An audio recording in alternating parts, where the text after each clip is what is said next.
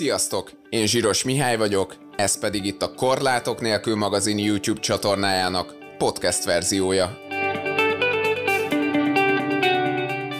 A mai adás vendége Rufkis Ágnes, beszédtréner, beszédtechnika tanár. Hivatása, hogy segítsen a kommunikációs tartalom megfelelő megszólaltatásában. 12 éve foglalkozik beszédtechnika oktatással egyéni és csoportos formában – Dolgozik gimnáziumban, az üzleti szférában, valamint a Színház és Filmművészeti Egyetem diákjait is tanítja. Emellett a beszédhős képző gyermekeknek szóló beszédfejlesztő könyv társszerzője. Tehát, hogy, hogy igenis annyi, annyi lehetőség van a hangunkban, annyi mélysége, magassága van, olyan sok színe, és ezekkel lehet dolgozni, és lehet vele eredményesebbnek lenni. Mindig hajszoljuk a boldogságot, hogy majd akkor, amikor ott leszek, akkor majd boldog leszek, és nem, hanem az az út, amin járok, még hogyha heppehupás is, meg macskaköves, meg néha botladozok rajta, de hogy igazából az maga a boldogság, nem menetelek valamiféle boldogság felé, hanem már benne vagyok. Hallgassátok meg ezt az epizódot is, és hogyha tetszett, iratkozzatok fel a csatornánkra, Ági, köszöntelek itt, és köszönöm, Szia. hogy elfogadtad a meghívásunkat. Én köszönöm.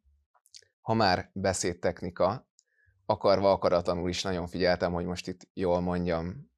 Te ilyenkor akarva, akaratlanul is figyelsz a másikra? Beszédtechnika szempontjából. Egyébként nem.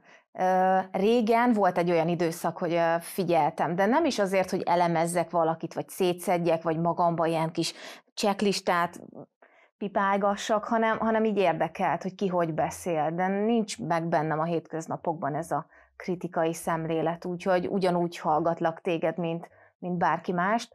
Amikor leteszem a lantot, és nem a munka, akkor nem, akkor, akkor nyitott szívvel és füllel, úgyhogy nem, meg fárasztó is lenne, tehát hogy az szerintem egy csomó mindenről elvonná a figyelmemet, hogyha még a szabadidőben is azt figyelném, hogy ah, és akkor hogy artikuláltál, és jó volt a hangsúly, úgyhogy nem, de ez jó volt.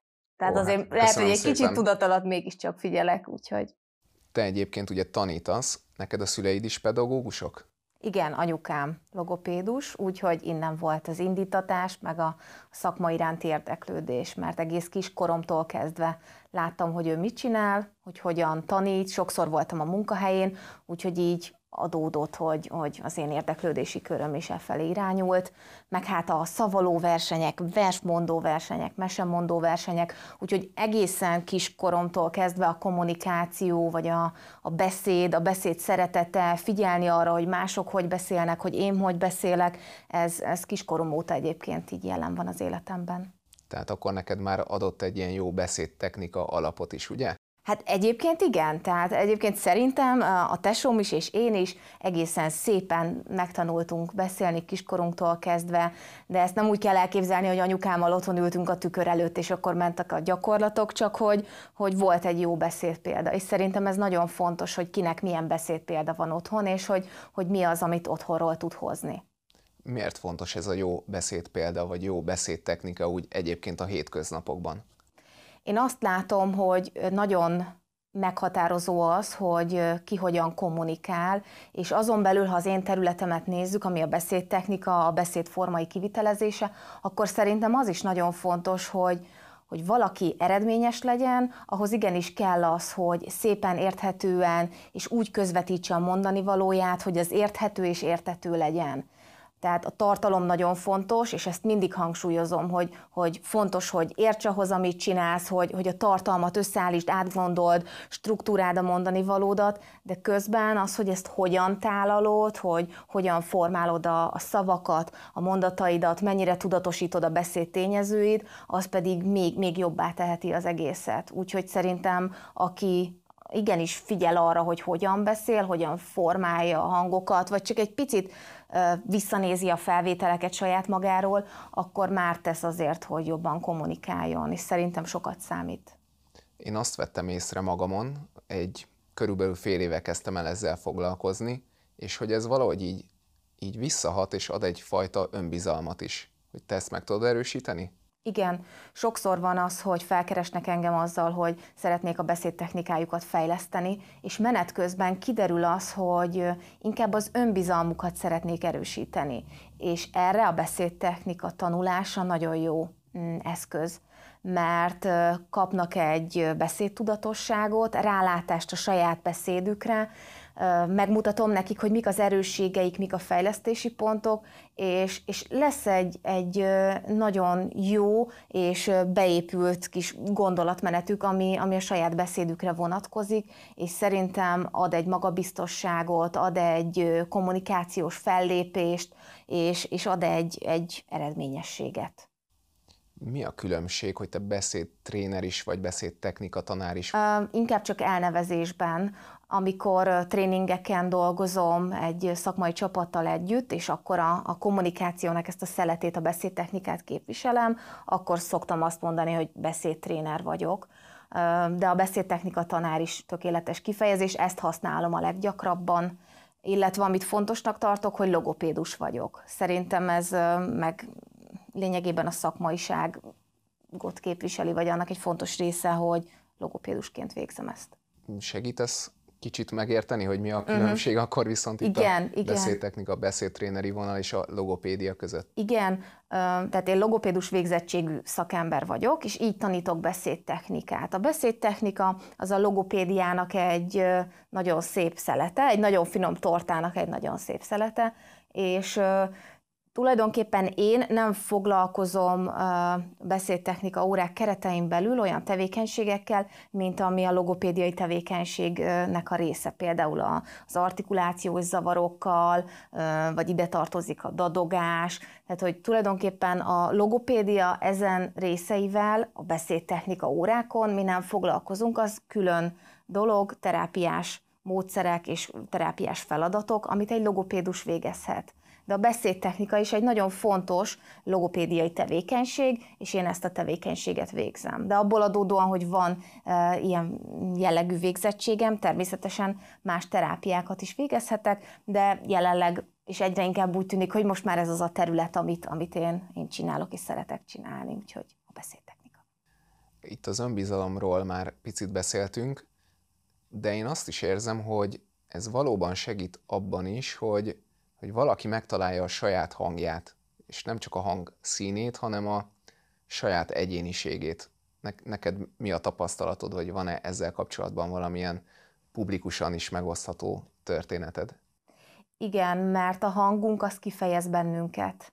Az, hogy milyen a hangunk, hogy mennyire kellemes a mi hangszínünk, hogy milyen az orgánumunk, az egy adottság de nagyon fontos azt megértetni, és ezt próbálom a tanítványaimmal megértetni, hogy minden hangból ki lehet hozni a legjobbat.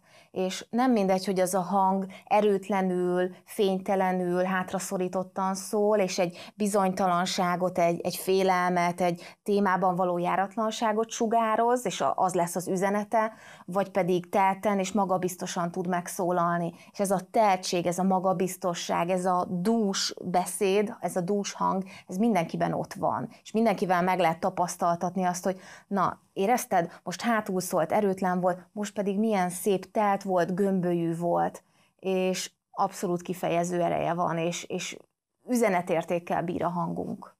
Szerinted akkor ezek szerint mondjuk akár egy vásárlás során az a néhány mondat, amíg beszélgetek ott a pénztárossal, akkor is ez meg tud jelenni, és jelenthet valamilyen pluszt, valamilyen pozitív különbséget?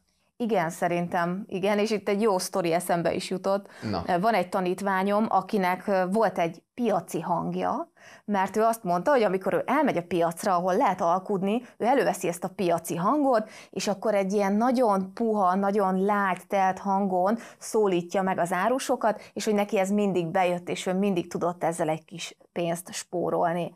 Persze ez ennek a fele vicc, de hogy, hogy az az igazság mégiscsak benne van, hogy tudjuk a hangunkat azt szerint módosítani, hogy, hogy mi a mi kommunikációs célunk. Tehát, hogy, hogy igenis annyi, annyi lehetőség van a hangunkban, annyi mélysége, magassága van, olyan sok színe, és ezekkel lehet dolgozni, és lehet vele eredményesebbnek lenni. Egészen más hang kell akkor, amikor mi ketten itt beszélgetünk, vagy akkor, amikor egy szabad téren kiállok egy nagy közönség elé, például mikrofon nélkül, Vagy megint más, ha van mikrofonom, más, hogyha öten beszélgetünk, és akkor is más, hogyha én éppen órát tartok 25 diáknak és mindegyikhez meg kell találni a saját hangomat, ami terhelésmentesen, könnyedén mégis magabiztosan és megbízhatóan sugároz mások felé. Több olyan szakma van, és nemrég beszélgettem például valakivel, aki szülés felkészítő tanácsadó. Uh-huh. És ő is azt mondta, hogy a, a légzés, ami ugye a beszédtechnikának is az alapja, hogy mennyire fontos. És hogyha ez ennyi területen fontos, akkor ezt miért nem tanítják korábban? Igen, ez nagyon jó lenne, és az is jó a légzés technikában, hogy számtalan más területtel is összekapcsolódik. Tehát akkor, amikor elkezdem tanítani, vagy csak beszélni a légzés technikáról, akkor már jönnek a kezek a magasba, hogy hú, én pedig jogázom, ú, én évekig úsztam, és hogy annyi mindenben van fontos szerepe a, a légzésnek, és a beszédben is, hiszen a légzés a beszéd alapja. A légzésünkre építjük utána a hangunkat, tehát ha nem jó a légzés, már nem lesz olyan a hang, és annyira jó lenne egy ideális és szép világban, biztos, hogy a légzés technika és annak a szerepe az, az meghatározó lehetne. És én már oviskortól ezt, ezt tanítanám, ha lehetne, mert nagyon sok mindenre kihat pozitívan.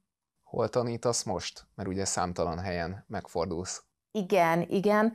Mm, tanítok egy gimnáziumban, drámatagozaton, ott osztályfőnök vagyok, voltam, ez most nehéz, mert hogy elballagott az osztályon, vagy hát mindjárt elballagnak, úgyhogy a gimi az egyik. Említheted a többit is. Igen, van még. Menjünk át akkor a következő Igen, a, a Színház és Filmművészeti Egyetemen tanítok még, ott is beszédtechnikát, az első és másodéves prózai színész osztályoknak vagyok a beszédtechnika tanára hány óra vagy mennyi idő mondjuk annak, akinek, aki egyrészt még soha nem tanult ilyet, nincs úgymond nagy hibája, uh-huh. de, de szeretne ezzel foglalkozni, és mondjuk szeretne ezzel eljutni odáig, hogy maga biztosan ki tudjon állni mondjuk egy prezentációt megtartani a, a, a cégében. Ó, mindig... Lehet erre valamilyen Nehéz. számot mondani? Nehéz. Um, itt mindig az én első kérdésem az az, hogy aki megkeres engem, az mennyi időre gondolt. Nagyon fontos az, hogy a saját és az én elvárásomat, az övét és az enyémet összefésüljük. Mert ha ő úgy jön oda, hogy figyelj, Ági, én egy hónapig szeretnék járni heti egyszer, és lehet, hogy én meg közben azt gondolom, hogy ez fél év heti egyszer de akkor közös nevezőre kell jutnunk, mert hogyha ő más gondol, én szakmailag más gondolok, akkor valahol nagyon el fog csúszni ez a dolog, és ez az első és legfontosabb kérdésem, hogy neked mennyi időd van a beszédet fejlesztésére. És akkor én elmondom, hogy szerintem mennyi. Amit az alapján, ahogy most felvázolta, tudok mondani, az az, és bocsánat mindenkitől, ha ez ijesztően hangzik, de hogy én azt gondolom, hogy tudatosságot és eredményeket fél év alatt hogyha nincsen gond. Talán a, a Latinovic Zoltánról hallottam, vagy biztos, hogy róla hallottam, Igen. csak nem vagyok benne biztos, hogy, hogy tényleg így történt, hogy, hogy ő élete végéig napi több órát gyakorolt. Így van, igen.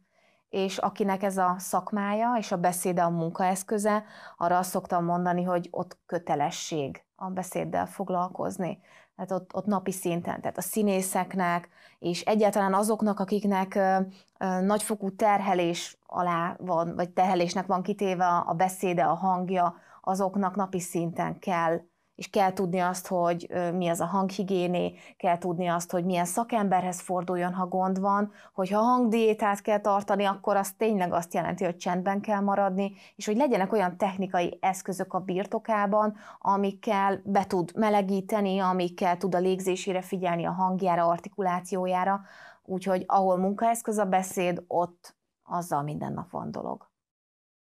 Beszéltünk már itt, hogy középiskolában is tanítasz, egyetemen is tanítasz, de van még egy piaci szegmens is. Igen, igen, igen.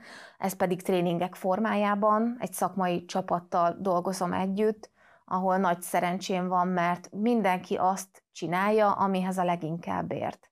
És ez nekem olyan jó érzés, hogy, hogy nem azt mondjuk, hogy kommunikációs szakember, mert oké, okay, kommunikáció, de azon belül annyi minden van, és hogy nem kell azt mondani, vagy nem kell nem kell elhitetni másokkal, hogy én, én az egész kommunikációhoz értek, mert az egy hatalmas témakör. hanem azt tudom mondani, hogy a kommunikáción belül én ehhez értek, és ehhez garantálom, hogy értek, és megpróbálok segíteni. Amikor tréningeken vagyunk, akkor sokszor rövid idő áll rendelkezésünkre, hogy megmutassunk a saját területünkből egy-egy pici részt, vagy átadjunk néhány fontos üzenetet, de én mindig azt gondolom, hogy ez az én kis misszióm, hogyha egy órán van, ha kettő, ha négy, ha öt, felhívjam a figyelmet arra, hogy ez miért fontos. És ha csak egy emberhez egy gondolat eljut aznap, akkor, akkor az a tréning, az a, az a képzés, az már megérte. Sosem fordult meg a fejedben, hogy mással foglalkozz?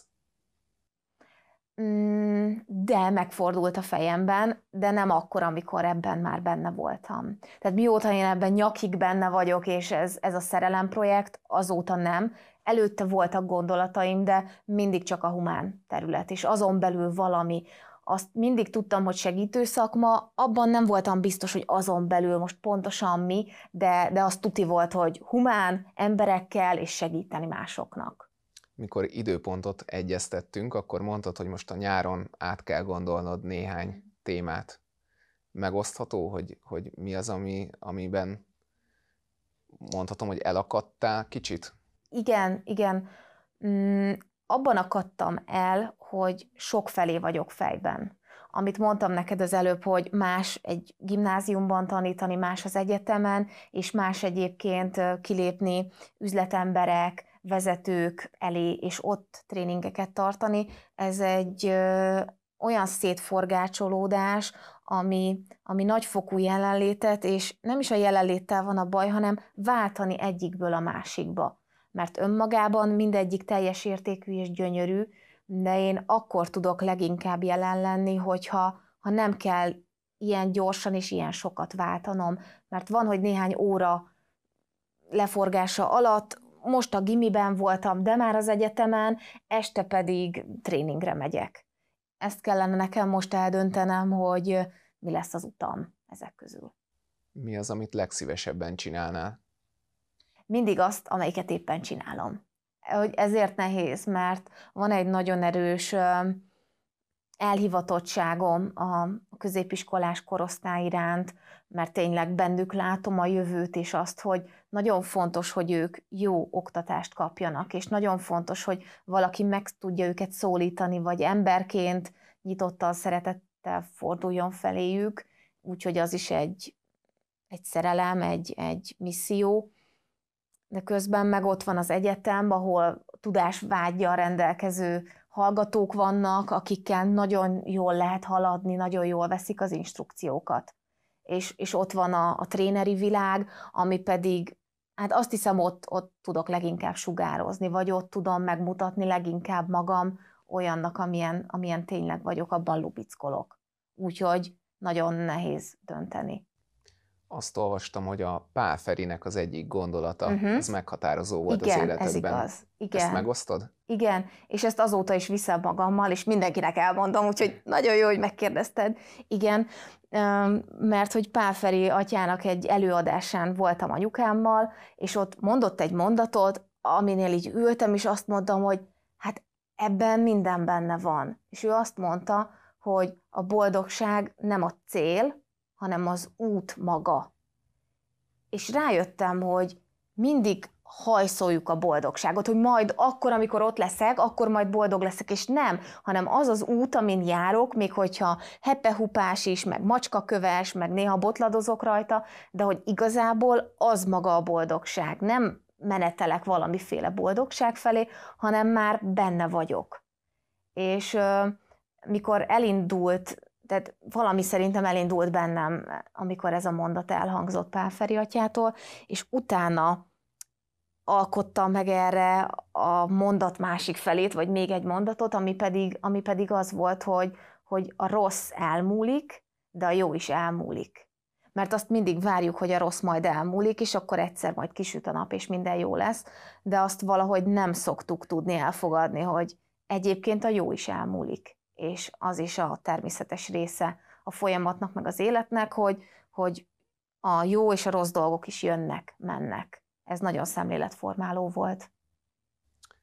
Veled is történt olyan, ami, hát mondjuk úgy, hogy nem szeretted volna, hogy ez történjen, Aha. Nem is tudom, hogy ezt hogy lehet jól felvezetni. Hát csak így egyszerűen. Van kedved beszélni róla? Persze beszélhetünk, mert ez is a részem, tehát a, a, a házasságom, ami, ami nem sikerült végül, az is, az is hozzám tartozik, és az is annak az útnak a része, ennek a macska kövekkel bélelt utcácskának a része, ahol most vagyok. Itt vagyok, ennyi dolgot csinálok, ennyi mindenben kipróbáltam magam, az, az azért is lehet, mert, mert nekem volt egy vállásom, és újra kellett mindent szervezni. Tehát minden ott, ott nagyon rövid idő alatt, mármint akkor, amikor mi, mi külön váltunk, minden megváltozott. Hogy hol lakom, hogy mennyi munkám van, hogy minden, a hétköznapjaim, az életem széthullott, és újra kellett építeni magam, immáron egyedül. Én nagyon hiszek a kapcsolatokban, a szövetségekben, a barátságokban, a családban, és a házasságban is nagyon hittem, nyilván hiszen ezért, ezért is házasodtam, mm, de újra kellett ezt szervezni, és, és ami, ami addig ketten ment, annak most már egyedül kellett mennie. Te ezt kudarcként élted meg? Mm, akkor ott igen, mm, de most már úgy érzem, hogy, hogy ke- kellett. Tehát, hogy, hogy egy, egy olyan szükségszerű dolog volt a házasság is, és a vállás is, ami, ami által most, most az lehet.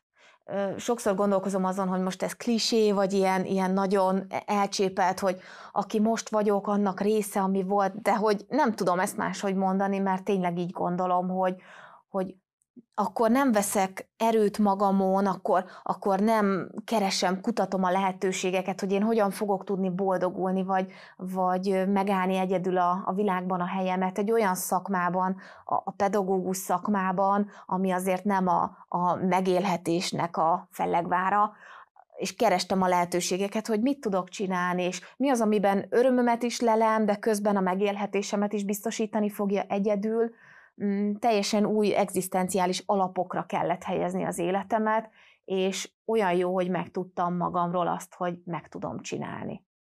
Ez nagyon tetszik. Hogy, hogy vagy ezzel, hogy vállás után újraépíteni uh-huh. egyedül, nőként, ahogy mondod, ez a szakma, vagy legalábbis egy része uh-huh. semmiképp sem az anyagi elismerésről szól, közben vállalkozol is. Uh-huh. Te mi, mit érzel, hogy hogy neked ez hogy, hogy megy, és hogy látod, hogy, hogy ebben mik a lehetőségek most egy hasonló helyzetben lévő nő számára például? Tudtam, hogy nehéz lesz egyedül újra kezdeni.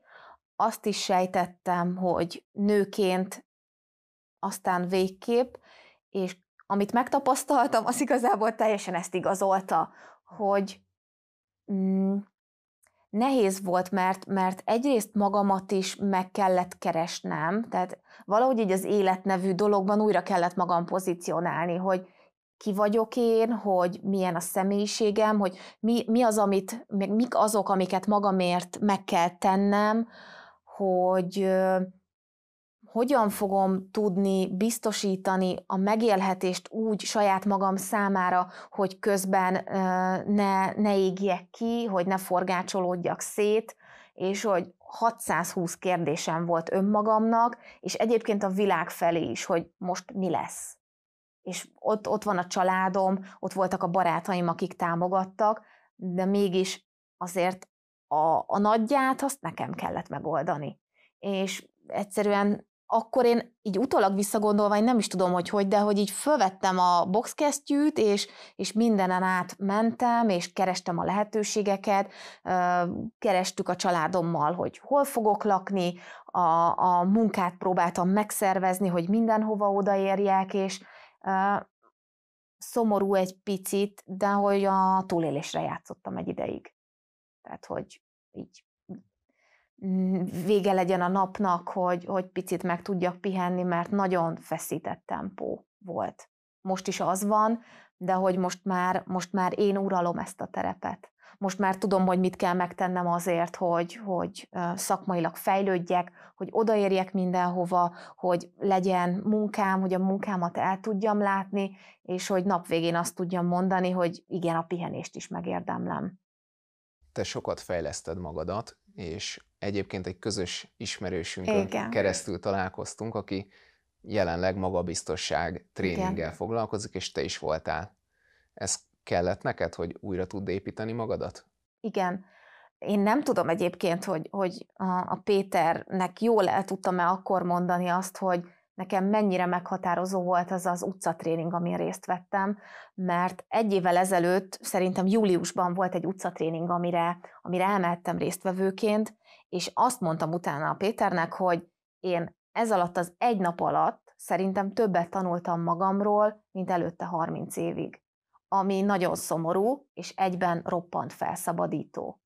Én azt hittem, hogy az önfejlesztéssel, magam megismerésével, én már előtte sokat foglalkoztam, én, én sok mindent tudok magamról, ami egyébként így is van, de komolyan mondom, hogy egy nap alatt, abban a nyolc órában annyi felismerésem lett, annyi dolgot vihettem magammal aznap haza, ami egyébként azóta is tölt engem. Mondasz erre egy példát? Um, álltunk az utcán, ugye ez egy csoportos tréning volt, és arra kért a Peti, hogy tegyek egy fülhallgatót a fülemre, és szóljon olyan hangosan a zene, hogy én ne halljam a, azt, amit mondok, csak a zenét halljam. És kezdjek el beszélni egyes szám harmadik személyben arról, hogy Ágiban mi az, ami jó, és mi az, ami miatt um, hát lényegében magamról kellett pozitív dolgokat mondani, vagy dicsérni saját magam, ez most tudom, kicsit furin hangzik, de hogy pozitív megerősítéseket kellett mondani. És emlékszem arra, hogy ez három percig tartott, és levettem a fülhallgatót, így letettem, ránéztem a többiekre, és mindenki így nézett rám, hogy azt a, hú, nagyon sok mindent tudtál mondani, és nekem itt nem az volt a lényeg, hogy a többiek mit jeleztek vissza, vagy hogy én nem azt vártam, hogy tapsoljanak nekem, hanem ebben az volt a lényeg, hogy ott megértettem, hogy igen, magamat is meg lehet dicsérni. Mert én mindig másokat dicsértem, én mindig, sőt, szerintem én arra tettem fel a szakmai életemet, hogy másokat emeljek, hogy segítsek nekik önbizalomhoz jutni, hogy, hogy segítsek nekik kifejezni magukat a kommunikáció által csak egy valakit felejtettem el dicsérni. Saját magadat. Uh-huh. Igen, ezt egyébként a coachingban, tehát hogy ilyen beszélgetős uh-huh. coachingban is használják, és én is tapasztalom, hogy nagyon sokan mondjuk három, négy, öt jelzőig jutnak. Holott, hogyha valaki mást kérdeznénk meg, akkor uh-huh. ilyen könnyedén mondana húszat. Igen. Érdekes volt az, és ezt is aznap tanultam meg, hogy egészen addig, ameddig magamat nem tanulom meg szeretni, ami egyébként egy borzalmasan nehéz dolog. Amíg magunkat nem szeretjük, addig nem tudunk jól szeretni másokat sem. És nagyon érdekes volt nekem, hogy amint elkezdtem jó lenni magammal, legalábbis eleinte csak törekedtem rá, aztán már sikerült is, sokkal eredményesebb voltam a munkában is. Mert az, hogy én, én jól voltam azzal, aki vagyok, azzal, hogy megháláltam magamnak dolgokat, hogy magamnak meg tudtam köszönni a, a, a fáradozásaimat, a, a jó és a rossz dolgokat egyaránt, és elfogadni mindent, ami, ami én vagyok, legalábbis törekedni rá, azzal a beszédtechnika fejlesztésen is nyitott szívvel, lelkesen, barátságosan, önmagamat vállalva tudtam részt venni. Érdekes volt, amikor azt mondta egy tanítványom, nem olyan régen, egy fél évvel ezelőtt, hogy, hogy nagyon jó, meg nagyon szakmai vagy, meg tényleg minden, hogy látszik, hogy értesz a szakmához, de hogy, de hogy ki is az az Ági, hogy magadból olyan keveset adsz, hogy rólam kérdezel, megbeszéljük, csak hogy nem látom az embert mögötte. És fájt egyébként, hogy hát nem, hát nem így van, meg na, ne, ez, ez biztos, hogy nem igaz, és utána rájöttem, hogy igen, hogy, hogy én, én annyira akarok adni abból, hogy nézd, ebből vegyél ki ebből a kosárból, a beszédtechnika a, a legjobb dolog a világon, de hogy a beszédtechnika mögött ott van a tanár, ott van az ember, aki én vagyok, és hogyha én jól vagyok, ha én tudok magamból is adni, akkor sokkal jobb lesz a fejlesztési folyamat is. És te hogy tapasztalod, hogy ez visszahatott a hangodra? Mm. Vagy figyelted de hogy van-e eltérés, különbség? Érdekes, amikor mindjárt válaszolok erre is, de visszaugrok oda, hogy amikor bejött a járványidőszak, és elkezdtünk online tanítani, nekem elment a hangom nagyon sokszor, és nagyon megijedtem, hogy mi lesz. Hát én, aki tudom is, hogy mit kell tenni azért, hogy ne így legyen, hogy lehet, hogy elmegy a hangom, és rájöttem, hogy azért, mert szorongtam attól, hogy ebben az online létben hogyan fogok boldogulni, és ez hatással volt a hangomra. És érdekes volt, hogy ahogy jött ez a, ez a tréning, jött a nyár, amikor egy pici könnyebbség várt rám, elkezdtem feloldódni, és újra visszakaptam a hangom. De ami izgalmasabb, hogy nem csak a hangomat kaptam vissza, és ezzel szeretnék a kérdésedre válaszolni, hanem, hanem most már megengedem magamnak azt, mióta megengedem magamnak, hogy jól szeressem magam, hogy bátran beszéljek. Éveket öltem abba, hogy visszafogjam magam, hogy szolid legyek, és nagyon jól fésült. És rájöttem, hogy amennyi energiát én ebbe öltem, csak simán meg kellett volna engedni magamnak, hogy igen, ha, ha határozott vagyok, ha vagány, ha, ha káromkodom, ha, ha laza vagyok, ha, ha sok vagyok, ha, ha utána enervált vagyok, mindent meg lehet engedni, mert az is én vagyok. És akkor került helyre az én beszédem is nem csak a hangom, hanem, hanem minden. Ha kalimpálok, kalimpálok, ha bezárom magam, bezárom. Tehát, hogy minden én vagyok, és minden érvényes mert az is a, a személyiségemnek a része, meg, meg az is az a, a, az ági jelenség, akit trénerként is úgy ismernek, hogy berobban a terembe és tolja, mert ez vagyok én. És hogy miért, miért fosztottam meg saját magam attól, hogy, hogy, hogy ilyen lehessek, ezt azóta sem nagyon értem most úgy érzed, hogy visszataláltál a, az utadra? Uh-huh. Most. Mm, és szerintem most ez az az út, ami, ami, ami a számomra a lehető legjobb, és az, hogy számomra a lehető legjobb, az pedig azért fontos, mert szerintem most tudnak majd szakmailag is igazán szép dolgok és, és eredmények születni, meg megtörténni.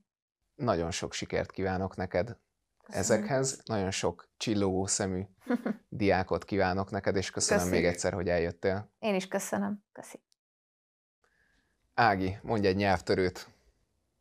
Roller vagy helikopter világrekorder? Roller vagy helikopter világrekorder? Feleleveníteni elfele, elfeledett feleleteiteket. Hát ezt megjegyezni se tudom. Na várjál akkor. Jó, legyen másik. Várj, mm. darabok, darabokban nem jó? Feleleveníteni feleleveníteni. Elfeledett feleleteiteket. Elfeledett feleleteiteket. Szép, oké. Okay. Jó nyár vár rája, ezt így. Jó nyár vár rája, jó nyár vár rája. Ez jó. És akkor ennek ott a párja, a jó nyár jár rája. Jó nyár jár rája, jó nyár jár rája. Ó, oké. Okay. Te jössz? Azt mondja, hogy um, piros csíkos cink bögrében, cukros csirkecomb. Ú, ez azért nehéz, mert ezt én máshogy szoktam használni. Mondhatod úgy is. Piros csíkos cinkcsészében csalogató cukros csirkecomb. Oké. Okay. Mm. Többre tört e görbe törpésbögre. Többe tört e görbés bögre. Egész jó. Többre tört Többre tört. E görbe. E görbe. Törpésbögre. Törpésbögre. Tök jó. Vannak ilyen klasszikus nyelvtörők, hát melyiket néz. Jó, de a sárga bögre, görbe bögre, hát azt, azt biztos, hogy... Sárga bőrge... Sár, sárga bögre, görbe bögre. sárga bögre, görbe bögre. Aha, meg a ö, rózsaszín sündisznócska, uzsis zacskója. Rózsaszín sündisznócska, rózsaszín zacskója? Aha de vegyünk, vegyünk az életből példákat. Uh, Jöhet font... a nachos.